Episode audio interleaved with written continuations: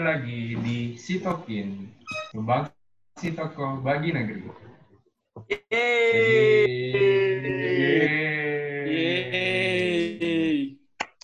Oke. Ngomongin apa hari ini, Bang? Hari ini kita bakalan masuk ke volume 3 mengenai koas horor.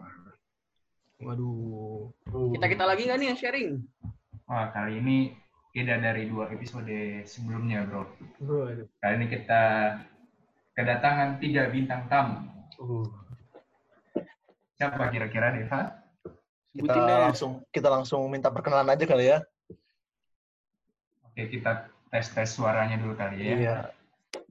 Boleh kita coba dari dari mana ya? Dari Zaza deh. Hai semuanya, selamat malam. Halo. Waduh, adem banget suaranya. Nggak jadi horor. Gak jadi horor. Ngaco. Lanjut ke yang kedua. Ayo Hanza. Oh dia Halo nge-freeze. semuanya. Annyeong. Halo. Oke, oke, oke. Dia ada Kanza. Eh, terus kita lanjut yang ketiga. Ada Arum. Halo Arum. Halo, selamat malam semuanya. Jadi kan sebelumnya kita sudah menyebar kuesioner itu kurang lebih ada 300-an kuesioner lah yang terisi. Kemudian terpilih tiga orang beruntung di sini yang sudah hadir pada malam hari ini. Ada Arum, ada Kanza, dan Zaza.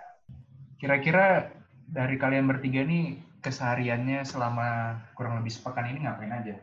Karena lagi menjalani stase IKM sekarang, Waduh. Jadi, ya udah sepekan ini hanya ngerjain tugas aja kerjaannya gitu. Sibuk Iya, banget deh iya. pokoknya.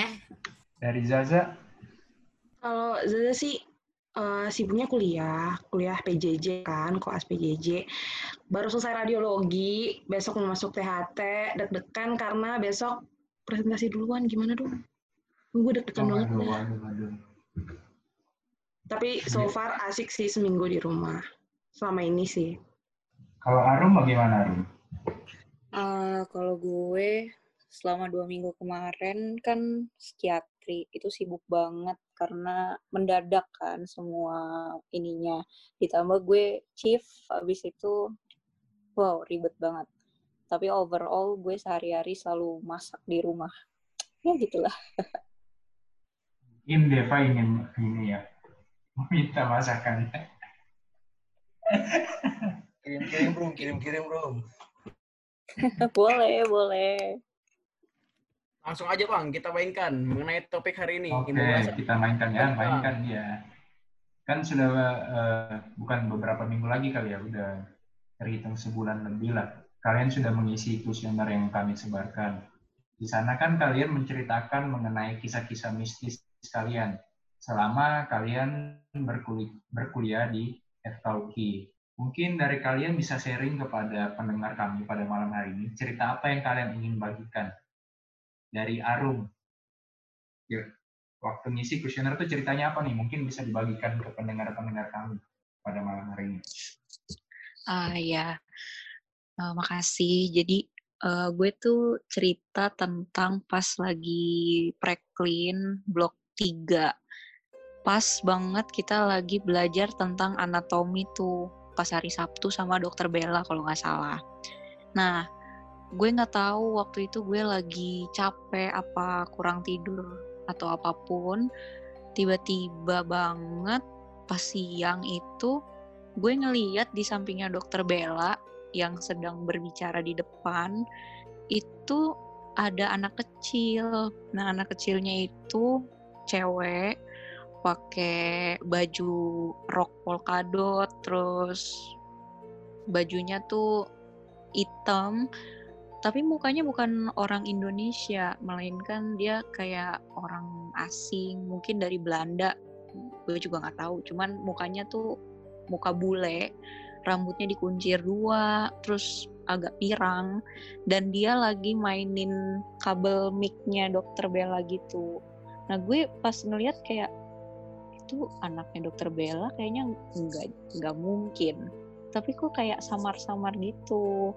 Nah habis itu gue cuma ngeliatin tuh ke depan kayak ah, ah apa sih tuh? gitu kan. Terus dia kayak ngeliat gitu ke gue tiba-tiba. Akhirnya gue memalingkan muka. Pas gue lihat ke depan lagi dia udah nggak ada. Nah gue lupa waktu itu di sebelah gue siapa. Kayaknya ada Zaza deh waktu itu.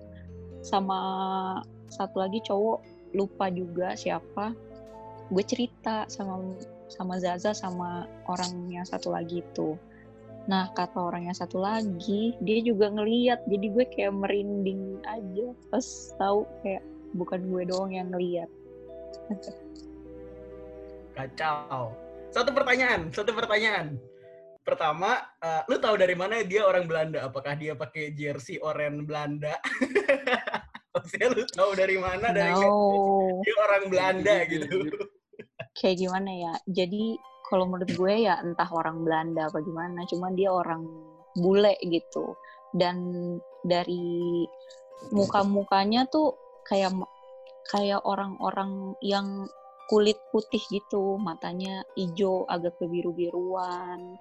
Terus dari pakaiannya tuh pakaian orang zaman dulu banget yang di mana kita kan uh, pas dijajah Belanda orang-orang Belanda atau orang-orang bule kayak gitu kan pakai bajunya yang vintage vintage gitu. Jadi gue beranggapan kayak ah ini orang Belanda nih kayaknya gitu. Dan yang lihat bukan cuma lu doang berarti ya waktu itu? Nah iya waktu itu yang si cowok itu yang gue ceritain itu dia ngeliat juga. Nah gue pokoknya pas dia langsung iya gue juga ngeliat. Dia tuh tanpa gue ngasih tahu ciri-ciri nih anak nih yang cewek itu dia langsung ngomong rambutnya pirang bukan rum. Dikuncir dua pakai rok polkadot terus gue kayak no. Itu betul banget yang dia omongin. Jelas-jelas bukan ilusi berarti ya udah dua orang yang lihat iya. uh -uh. jelas banget itu bukan ilusi gue atau gue berhalusinasi itu enggak banget. Ternyata emang bener. Jadi uh, itu merinding banget gitu. Ya, mungkin dari pendengar kita belum tahu ya gimana sih ruang kuliah kami? Kebetulan waktu itu yang pakai RK12 ya betul nggak? Iya benar. Ya, RK12. Jadi kalau kalian misalnya uh, tahu bioskop ya kurang lebih kayak gitulah.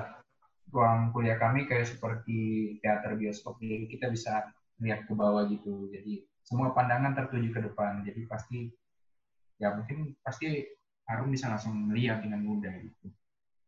Ya benar. Dan kebetulan waktu itu gue juga duduknya di paling belakang. Paling belakang, pojok sebelah kanan. Terus gue langsung ngeliat orangnya tuh yang di sebelah dokter Bella tuh, gue bener-bener kayak jelas banget gitu. Tapi lu sempat ini nggak kayak lu tatap terus dia kayak berkomunikasi gitu? Pas uh, tatap dia langsung hilang atau gimana?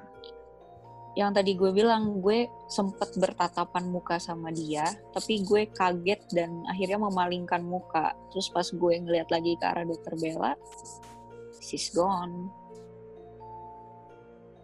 Nambahin dong nambahin room setelah itu setelah hari itu ya? Setelah hari itu lo pernah ngeliat lagi nggak? Kalau untuk di ukinya enggak nggak nggak pernah. Yang cewek itu juga nggak pernah. Iya si cewek itu nggak nggak pernah ngeliat lagi. Enggak nggak pernah lihat lagi. Untungnya. Pernyataan pertama soalnya agak agak serem juga tuh. Untuk di Uki nggak pernah. Apakah dia ngikutin lu ke rumah? Iya Wow. sih enggak jangan sampai. Tapi karena nggak- semenjak itu enggak nggak pernah ngelihat lagi semenjak itu. Oke oke oke. Kita lanjut ya kita lanjut ke Kanza coba bisa ceritakan bagaimana cerita apa yang lu sharing dalam survei itu sehingga lu bisa terpilih dalam podcast bisa hadir lah dalam podcast ini Halo semuanya. Halo. Jadi gini ya, kita Bismillah dulu ya. Semoga tidak ada kejadian apa-apa setelah ini gitu. ya, kursi Iya, jadi gini, gue ngisi eh, di kuesioner itu, jadi ceritanya adalah itu saat gue lagi eh, stase anak. Kebetulan itu stase pertama gue kan. Terus eh, gue tuh di UKI itu lima minggu kedua. Nah, terus eh lima, lima, minggu terakhir maksudnya. Terus habis itu eh, apa namanya? Kan kalau ruangan si anggrek ini itu kan ke belakang gitu kan jauh ya untuk eh, ke ruang diskusi. Nah, terus habis itu eh, jadi ceritanya adalah gue lagi mau keluar ke bar, ke bar perawat dari ruang diskusi. Nah, karena ruang diskusi itu jauh di belakang, jadi lewat lorongnya tuh samping-sampingnya banyak ba- eh, ruangan-ruangan apa sih bangsal gitu. Terus ada juga ruang ganti perawat. Terus habis itu eh, kan kalau misal ya berarti kalau misalnya gue mau ke bar perawat ke depan berarti gue harus melewati si ruang perawat dulu dong. Terus habis itu ya udah gue lewat aja gitu biasa. Gue nengok lah ke, ke ke samping ke ruang perawat. Karena di situ ada salah satu perawat yang gue tahu namanya Kak Sahara. Nah dia tuh kayak abis dandan gitu loh pokoknya abis siap-siap gitu deh.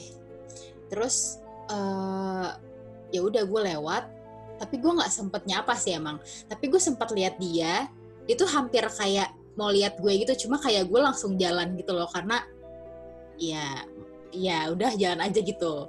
Terus habis itu eh, apa namanya pas gue nyampe di depan ternyata ada Kak Sahara di bar.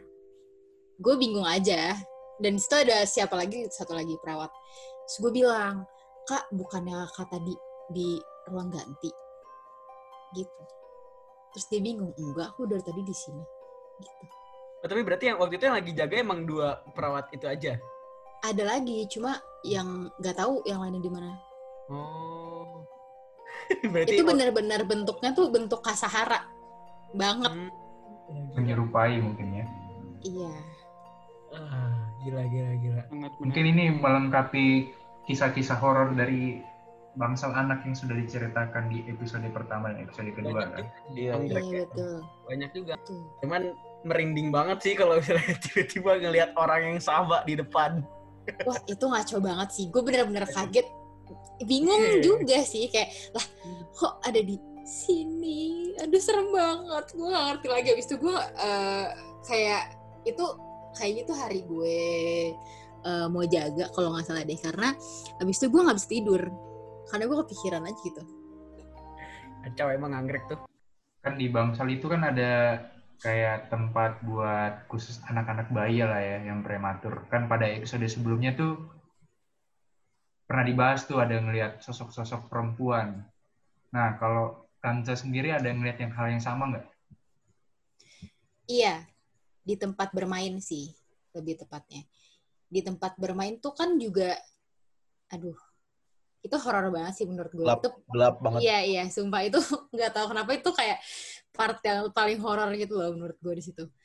Eh, gue nggak begitu yakin ya, karena gue nggak nggak yang nggak gue perhatiin banget, karena kayak hanya lewat gitu sesuatunya tuh hanya lewat gitu di situ.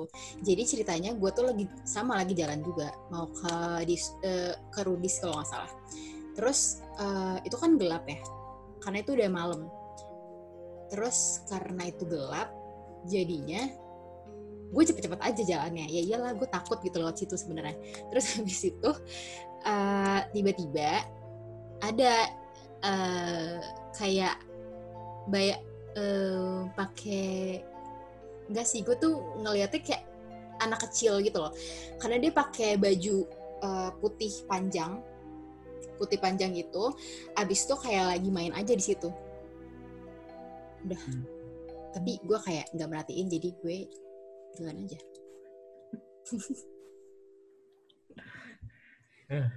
Karena emang juga kayaknya anak-anak nggak ada yang main ke sana ya kalau orang dirawat ya. Iya bener-bener makanya bener-bener nggak pernah ada yang itu kalau masuk sana panas banget ruangannya oh iya iya ruangan taman bermain eh iya ruangan ruangan bermain itu Kita lanjut ke Zaza ya. Coba Zaza ceritakan kisah horor Anda kepada pendengar kami. Oke, selamat malam semuanya. Jadi eh, kalau dari gue sendiri sih di UKI dan di rumah sakit UKI, jadi di FK UKI-nya dan di rumah sakit UKI itu eh, gue emang pernah beberapa kali. Jadi kalau misalkan dari prekli itu ada isu-isu kan kita juga tahu sih kayak lantai 6 tuh horor ya gitu. Lantai 9 iya jangan sendiri di sana ntar ada yang ini ini ini. Nah, eh, sama kalau di koas itu gue satu kejadian di Sasa Anak, tapi bukan di UKI, di afiliasi di Cikini. Terus eh, yang kedua di Objin, Objin Bekasi. Tepatnya di Micu. Nah, kalau misalnya di Preklin itu di lantai 6, jadi itu gue lagi latihan, eh, gue jadi PJ FKUK Idol buat Medcap. Di situ kan anak-anak sering banget latihan, sering banget olah vokal gitu. Nah sekali eh, itu udah mulai sepi sih, eh, jadinya gue kayak aduh tapi gue belum dijemput gitu nah akhirnya gue ke kamar mandi gue ke kamar mandi lantai 6 kamar mandi cewek. Ya pada tahu kan ya kamar mandi cewek gitu kan. Gue kamar mandi cewek. Ke kamar mandi cewek gue liat kosong gitu kosong lampu nyala pintu tiga tiganya kebuka. Gue masuk kamar mandi yang tengah.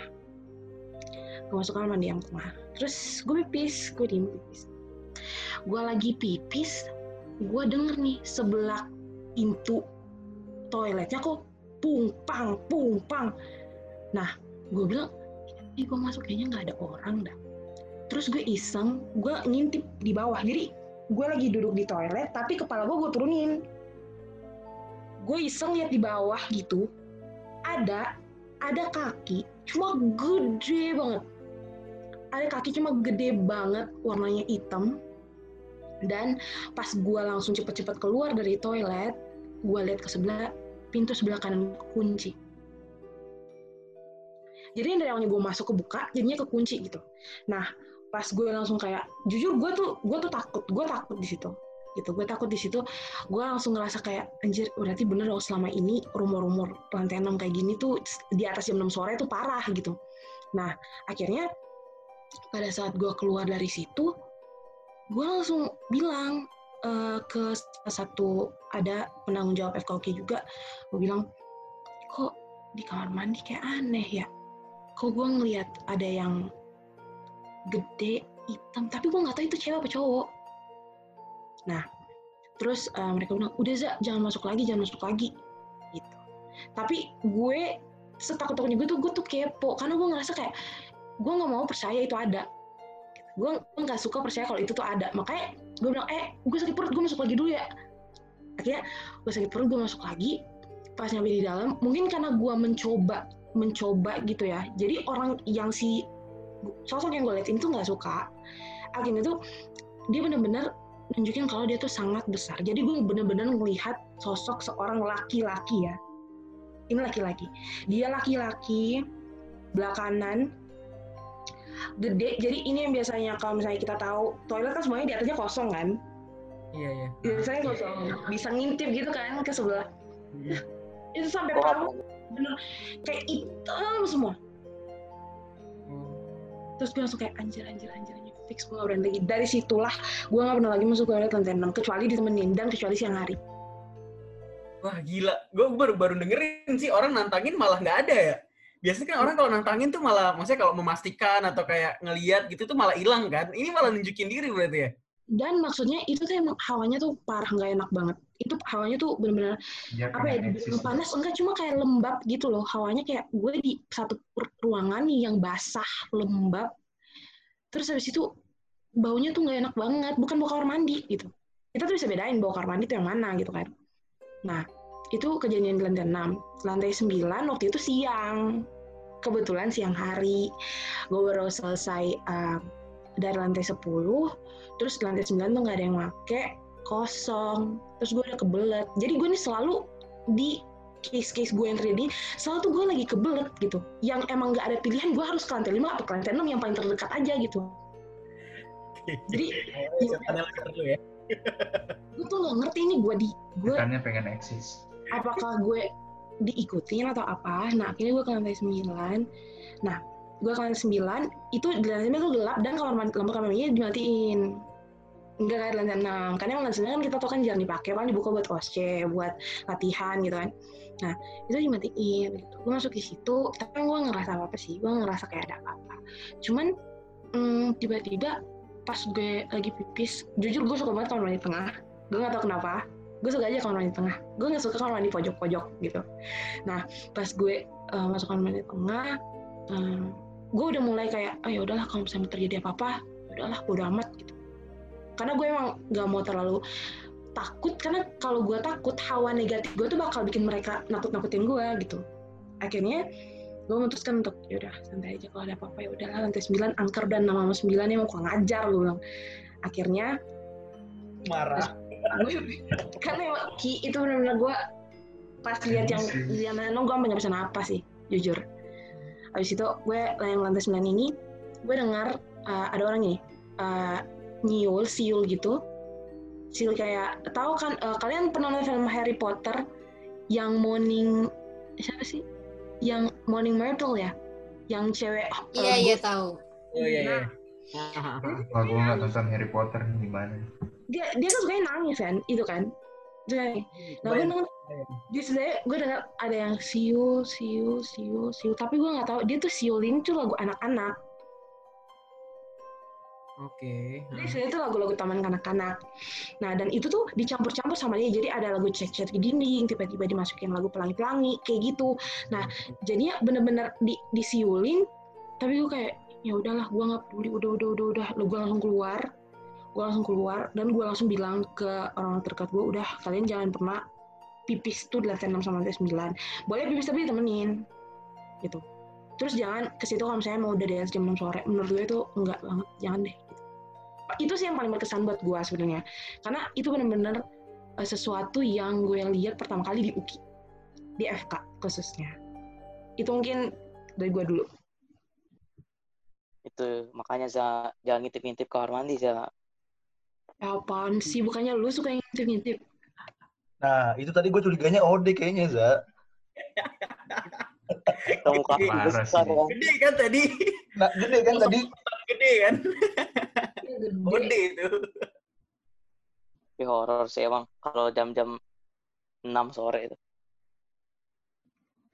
Tapi kalau misalnya kalian kan bertiga berarti udah pernah di, maksudnya pernah kayak eh dilihatkan secara langsung. Mungkin beberapa dari kita punya cerita yang kayak cerita horor mungkin kayak bayangan atau hal yang nggak jelas kan. Sedangkan kayak Zaza tadi ngeliat wujudnya, terus Hanza tadi ngelihat wujudnya, terus juga ada pernah ngeliat juga baju putih. Terus Arum juga tadi bilang kalau di UKI itu aja. Kalau selain di luar UKI gimana tuh? Maksudnya selain di luar lingkungan kampus atau lingkungan rumah sakit, pernah nggak kayak ngalamin satu momen di mana gila itu paling serem dah di hidup gua gitu. Selain yang cerita ini berarti ya. Mungkin dari Hanza dulu. Ada nggak kira-kira selain dari cerita-cerita di UKI tadi? Oh ada, tapi eh, di rumah sih, di rumah sendiri. Ya jadi gini, boleh gak cerita? Boleh, boleh. Monggo, Jadi ceritanya eh itu nggak cuma sekali sih, eh, beberapa kali itu. Jadi ceritanya tuh waktu itu yang pertama ini tuh saat gue masih SD. Jadi gue emang suka main di rumah kan sama teman-teman gue juga. Terus gue itu lagi main eh, ini apa yang engklek ya, engklek tau nggak yang ngelempar itu. Nah terus habis itu gue lagi main di dalam rumah. Terus eh, kan kalau misalkan di kotak 7 sama 8 lo harus muter gitu kan. Nah, pada saat gue muter gitu, itu tuh kan posisinya berdiri kan. Jadi pas gue muter ada eh, sosok hitam besar banget, tinggi banget sampai gue tuh ngeliatinnya sampai jongkok dari diri sampai jongkok. Karena gue mau tahu ini apaan sih gitu kok nggak ada nggak ada kepalanya nggak ada ujungnya gitu. Terus eh, teman-teman gue bingung gitu kan akhirnya eh, mereka manggil-manggil gue. Jadinya gue tersadar lah gitu gitu terus habis itu yang kedua adalah eh, sosok wanita gitu terus eh, dia tuh ada saat gue lagi nyuci piring makanya kalau di rumah ya sebenarnya gue tuh takut banget kalau gue disuruh nyuci piring Eh, gue bisa pakai alasan itu gak sih kalau di rumah? Pak, aku takut cuci piring, padahal males. nah terus itu juga, juga sa- jadi salah satu alasan gue sih. Gak ada yang bercanda. Terus eh, ya udah gue takut cuci piring sih sebenarnya. Gara-gara itu. Jadi pas gue cuci piring adalah dia. Eh, jadi kan kalau gue nyuci piring belakang gue tuh kayak ada kamar mandi gitu kan. Itu dari situ keluar terus menuju ke pintu keluar dari eh ke pintu keluar dari rumah gue bagian belakang gitu udah terus mulai dari situ gue bener-bener takut banget sih kalau gue disuruh cuci piring Zaza gimana Zaza? Selain dari Uki. Kalau di UKI eh, pernah satu di rumah sama satu di sekolah waktu gue SMA. Iya ya. Jadi gini eh, kalau misalkan yang benar-benar gue merasa itu kayak sesuatu yang bikin gue eh, teringat sama seseorang sebenarnya. Jadi yang gue lihat itu sebenarnya bukan sosok yang menyeramkan gitu. Tetapi sosok ini menampakkan dirinya sebelum ajalnya. Paham nggak? Nah, jadi eh, waktu ini yang pertama eh, itu mungkin gue bahas di rumah dulu. Jadi yang di rumah itu eh, rumah gue tuh punya garasi kan, garasi mobil. Tapi bokap gue udah nggak pernah lagi masukin mobil dalam garasi karena di situ tuh kita taruh tuh pohon Natal. Jadi pohon Natal itu kita taruh ke belakang biar nggak usah dicopot-copot lagi karena kalau masak kan ribet tuh. Nah, dia pohon Natal bungkus gitu terus ditaruh di belakang. Makanya bokap gue nggak pernah masukin mobil lagi. Nah, eh, Hamin satu sebelum gue pulang ke Jakarta buat kuliah lagi, kita masih Franklin, uh, hari Minggu, gue terus lagi duduk makan pagi sama papa. Gue selalu kayak gitu, duduk makan pagi sama keluarga. Terus uh, sis- tersisalah di meja makan tuh gue mau buka Terus gue pamit kan ke bokap, gue bilang, Papa kakak mau berangkat ya, gitu doain biar semesternya jalannya lancar, biar kakak nggak remet, minta kayak gitu.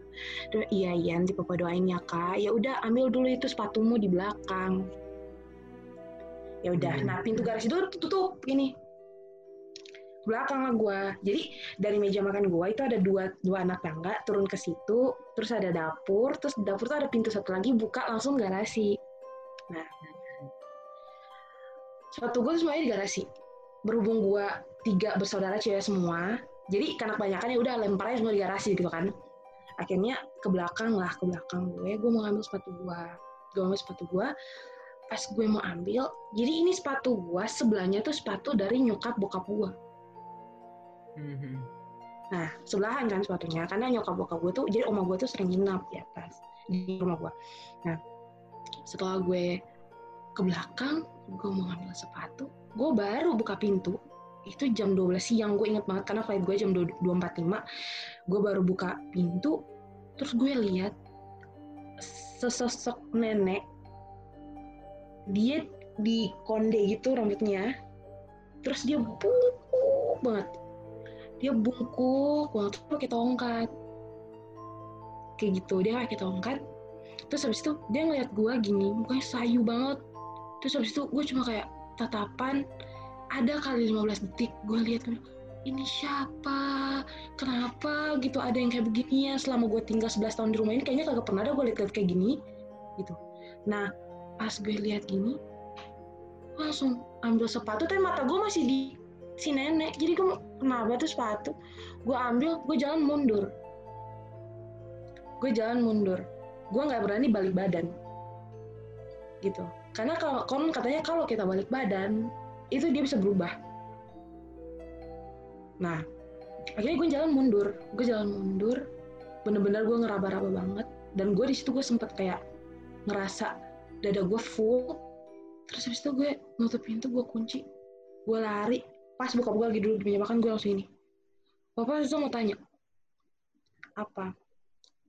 Ada nggak eh, oma atau opa papa yang rambutnya dikuncir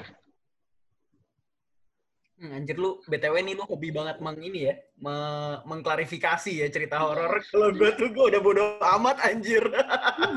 Kepo banget kali ya. Iya anjir. Kayak di film-film ini lu. Kayak di film-film horor tapi yang mati duluan, Za. gue tuh gue tuh harus ada kejelasan. Gue tuh gue tuh nggak bisa gitu. Kayak gue ngeliat sesuatu tapi gue nggak tahu itu siapa. Itu bakal bakal haunted gue sendiri gitu. Gue bakal kepo sendiri gitu. Akhirnya gue bilang apa ada nggak eh, oma atau orang tua lah oma opa papa? Ya rambutnya dikuncir gitu. Kan kita tahu orang dulu dulu kalau di Ambon khususnya suka pakai kebaya kunci rambut di di onde gitu. Nah, akhirnya bokap gue bilang kenapa kak? Bilang aku ke belakang kan pak. Terus aku ngeliat ada nenek-nenek gitu rambutnya dikunci pakai tongkat terus papa langsung ngeluarin cuma satu kata bungkuk nggak Oh. Anjir. terus habis itu gue bilang iya sampai begini banget gue terus kata dia oh iya dia mau dadain kakak kali itu omanya papa Oke oke mantap. terus gue langsung serius Eh merinding banget, mohon maaf. banget. sumpah itu gue tuh bener-bener langsung dan itu bener-bener gue tuh kepo. Gue sampai bilang "Cuk, tolong deh papa cariin gitu. Ini oma nih mukanya yang mana gitu biar maksudnya biar gue kalau misalnya lihat lagi tuh gue nggak takut gitu. Kalau kayak gitu kan tiba-tiba banget ya. Nah terus habis itu eh, satu lagi di SMA gue SMA negeri 1 Ambon. Gue eh, lagi itu kelas 3 SMA itu lagi masa-masa pemantapan mau ujian jadi eh, gue masuk pagi adik-adik kelas gue masuk siang gitu. Nah masuk ke gue pagi. Hari itu wah gila. Itu bener-bener maksudnya hari hari happy lah karena udah terakhir pemantapan dan juga hari-hari kayak aduh bentar lagi udah lulus gitu kan. Terus eh, gue pas pulang gue kan banyak kenal adik kelas jujur. Gue gue banyak banget yang kenal adik kelas. Jadi gue langsung kayak eh iya dadah-dadahan dadah-dadahan dadah-dadahan terus ada satu anak cewek dia pintar banget. Salah satu anak yang paling pintar. Eh, namanya Ripka. Dia waktu itu masih kelas 1 SMA gue lihat dia gue lihat di jalan pakai tas pakai tas berdampingan sama cowoknya. Gitu berdampingan sama cowoknya. Dia pakai tas gitu. Jangan pakai tas dia cowoknya namanya Emil gitu. Berdampingan pakai tas jalan-jalan jalan-jalan jalan terus udah tapi gue lihat kok dia sayu banget gitu. Jadi mau gue sapa juga kayaknya ini anak lagi sakit. Ya udah akhirnya gue bilang pulang nih pulang gue ke rumah. Pulang nih gue lagi tiduran. Lagi main HP tiba-tiba masuk eh guys guys guys tahu nggak nih ini ini siapa ini? Siapa? Bilang anjir apa nih? Iya ada kecelakaan anak kelas satu tapi nggak tahu siapa. Terus gue bilang hah? Siapa? Tinggal di mana gitu? Tinggal di Wayame jadi Wayame itu kalau di kota Ambon tuh Wayame itu deket airport. Sekarang sekolah gue di kota gitu kan? Jadi tiba-tiba gini gue bilang hah anjir siapa?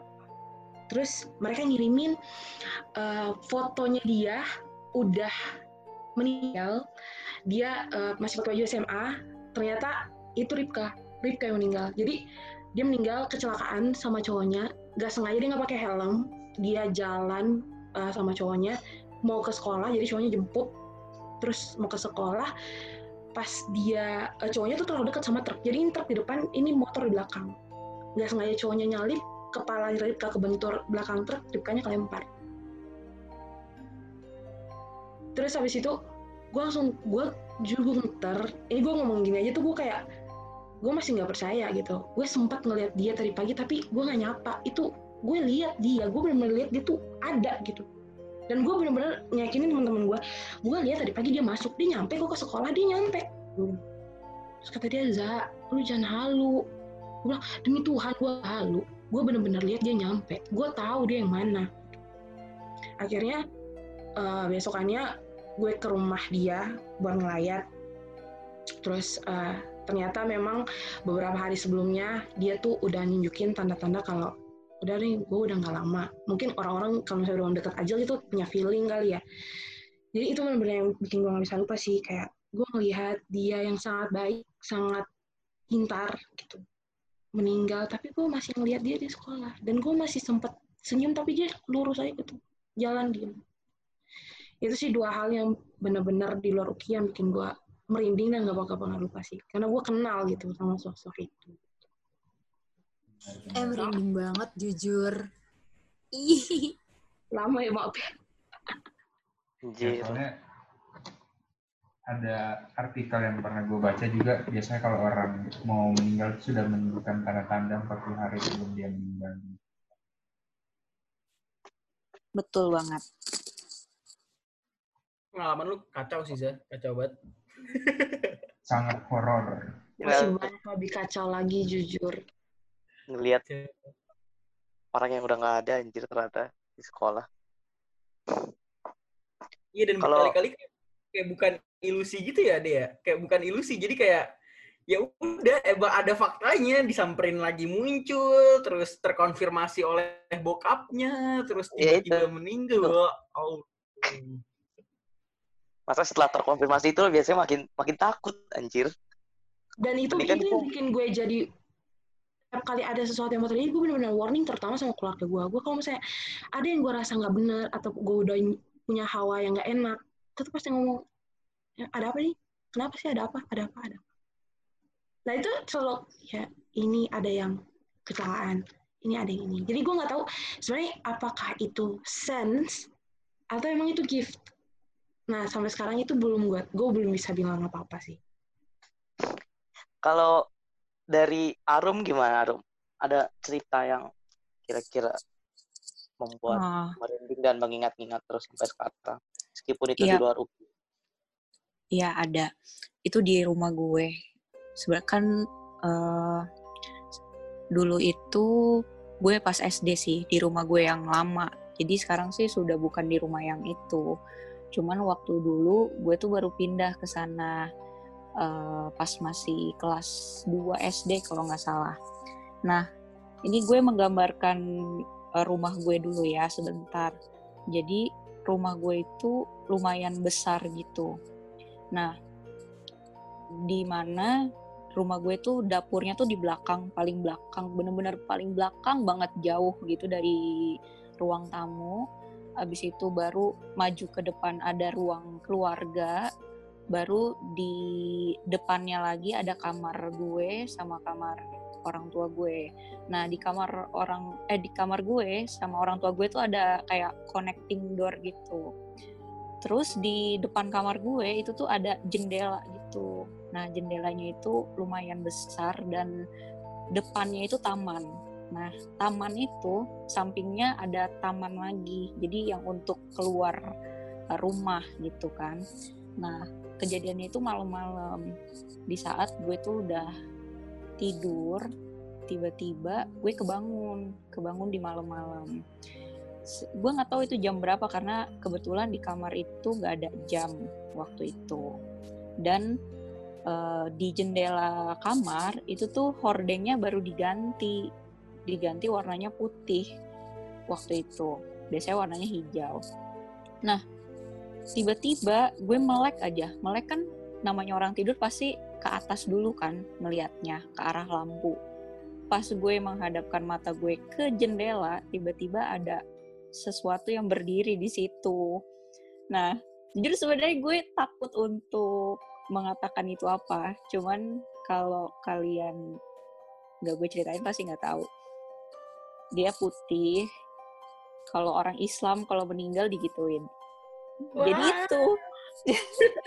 Jadi gue, jadi gue melihat itu pas banget di muka gue kayak kayak bener-bener dia berdiri just standing there terus dengan matanya dia yang agak hitam di bawah matanya kayak gitu kayak orang kurang tidur cuman hitam hitam banget terus dia kayak lagi cemberut kayak cuman kayak dengan muka flatnya dia. Terus gue kayak udah nggak bisa ngomong apa-apa gue mau teriak juga nggak bisa.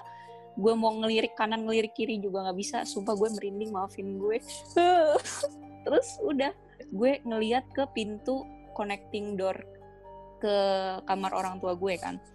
Gue cuman bilang mami cuman kayak gitu doang tapi dengan suara gue yang kecil terus pas gue ngeliat ke jendela masih ada. Akhirnya gue member- memberanikan diri untuk nutupin muka gue pakai selimut. Gue hanya menunggu beberapa detik gue buka terus hilang. Kayak gitu. Terus pas pagi-paginya gue cerita ke nyokap gue kayak masa sih masa sih? Kayaknya enggak kamu halusinasi. Gitu kayak apaan sih? Orang beneran ada gitu kan. Makanya sampai sekarang gue kalau ngeliat film ada kayak gitu itu gue paling gak berani sebenarnya sejujurnya. Apalagi kalau misalnya ada orang iseng gitu ya tiba-tiba ngirimin foto kayak gitu gue bener-bener kayak bisa ngelempar HP gue jauh-jauh gitu. Karena gue sampai setakut itu bahkan pernah kayak dikagetin terus gue nangis gara-gara dikagetinnya dengan hal itu gitu.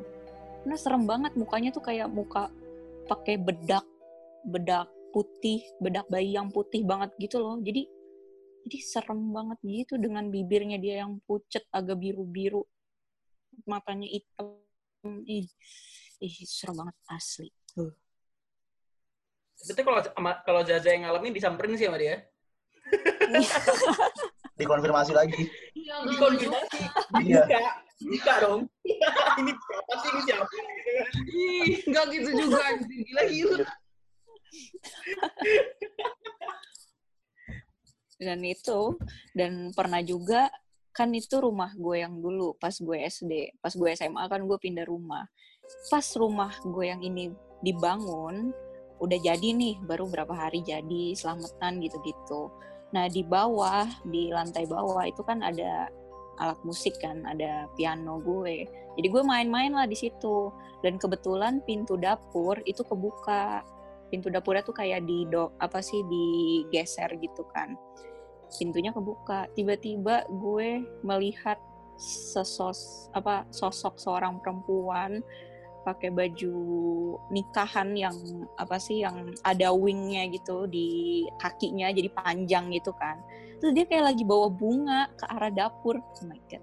Terus gue kayak langsung keluar sejen apa langsung seketika gue langsung berhenti main piano. Terus gue keluar ketemu sama mandor yang ngebangun rumah gue waktu itu. Masih ada masih ada mandornya waktu itu karena takut ada kebocoran apa apa jadi bisa langsung dibetulin.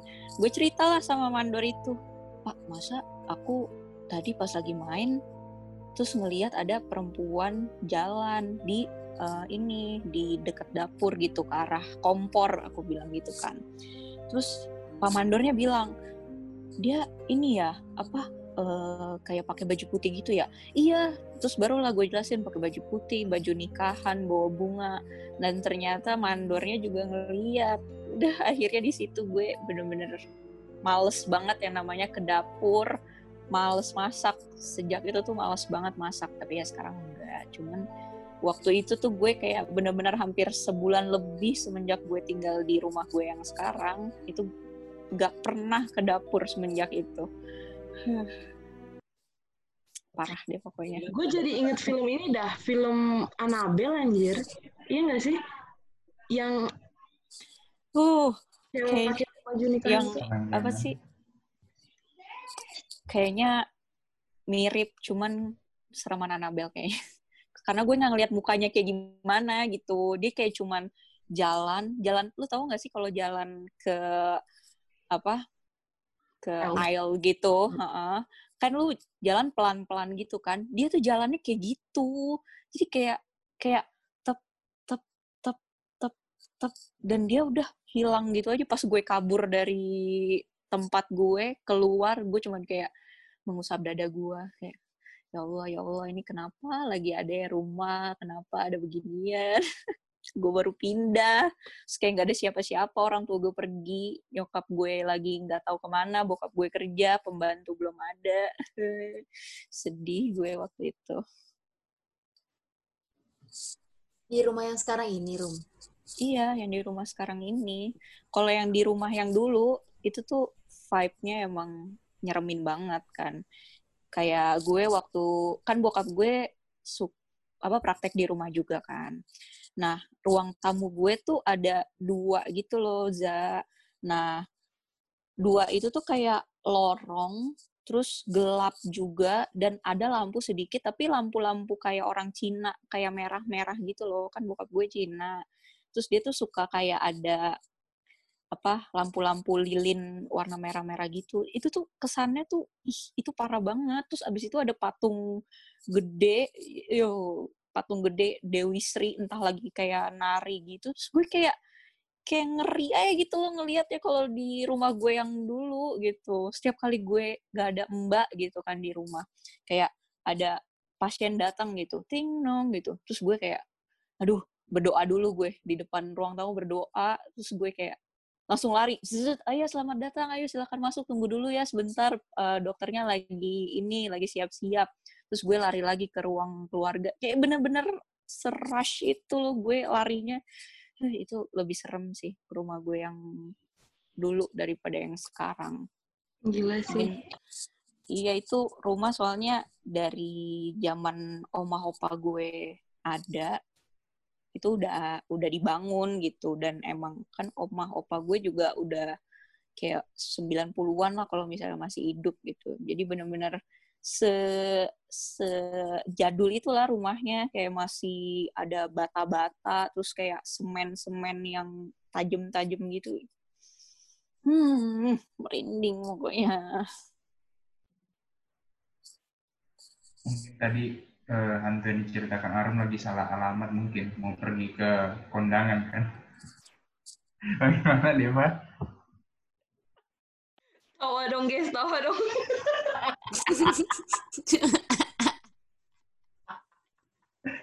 Soalnya kalian kayaknya lagi pada tegang banget nih dengerin podcast kita. Dia kalian. Merinding loh, everybody. Ini Apalagi denger jokes lu. Makin merinding bang, makin merinding. Oke, kalau kalian sudah dengar dari bintang tamu kita, ketiga bintang tamu kita ini kayak eh, dia dianugerahi oleh Tuhan Yang Maha Kuasa berlebihan lah untuk merasakan dan melihat yang tidak ada, yang manusia normal itu tidak dapat melihat.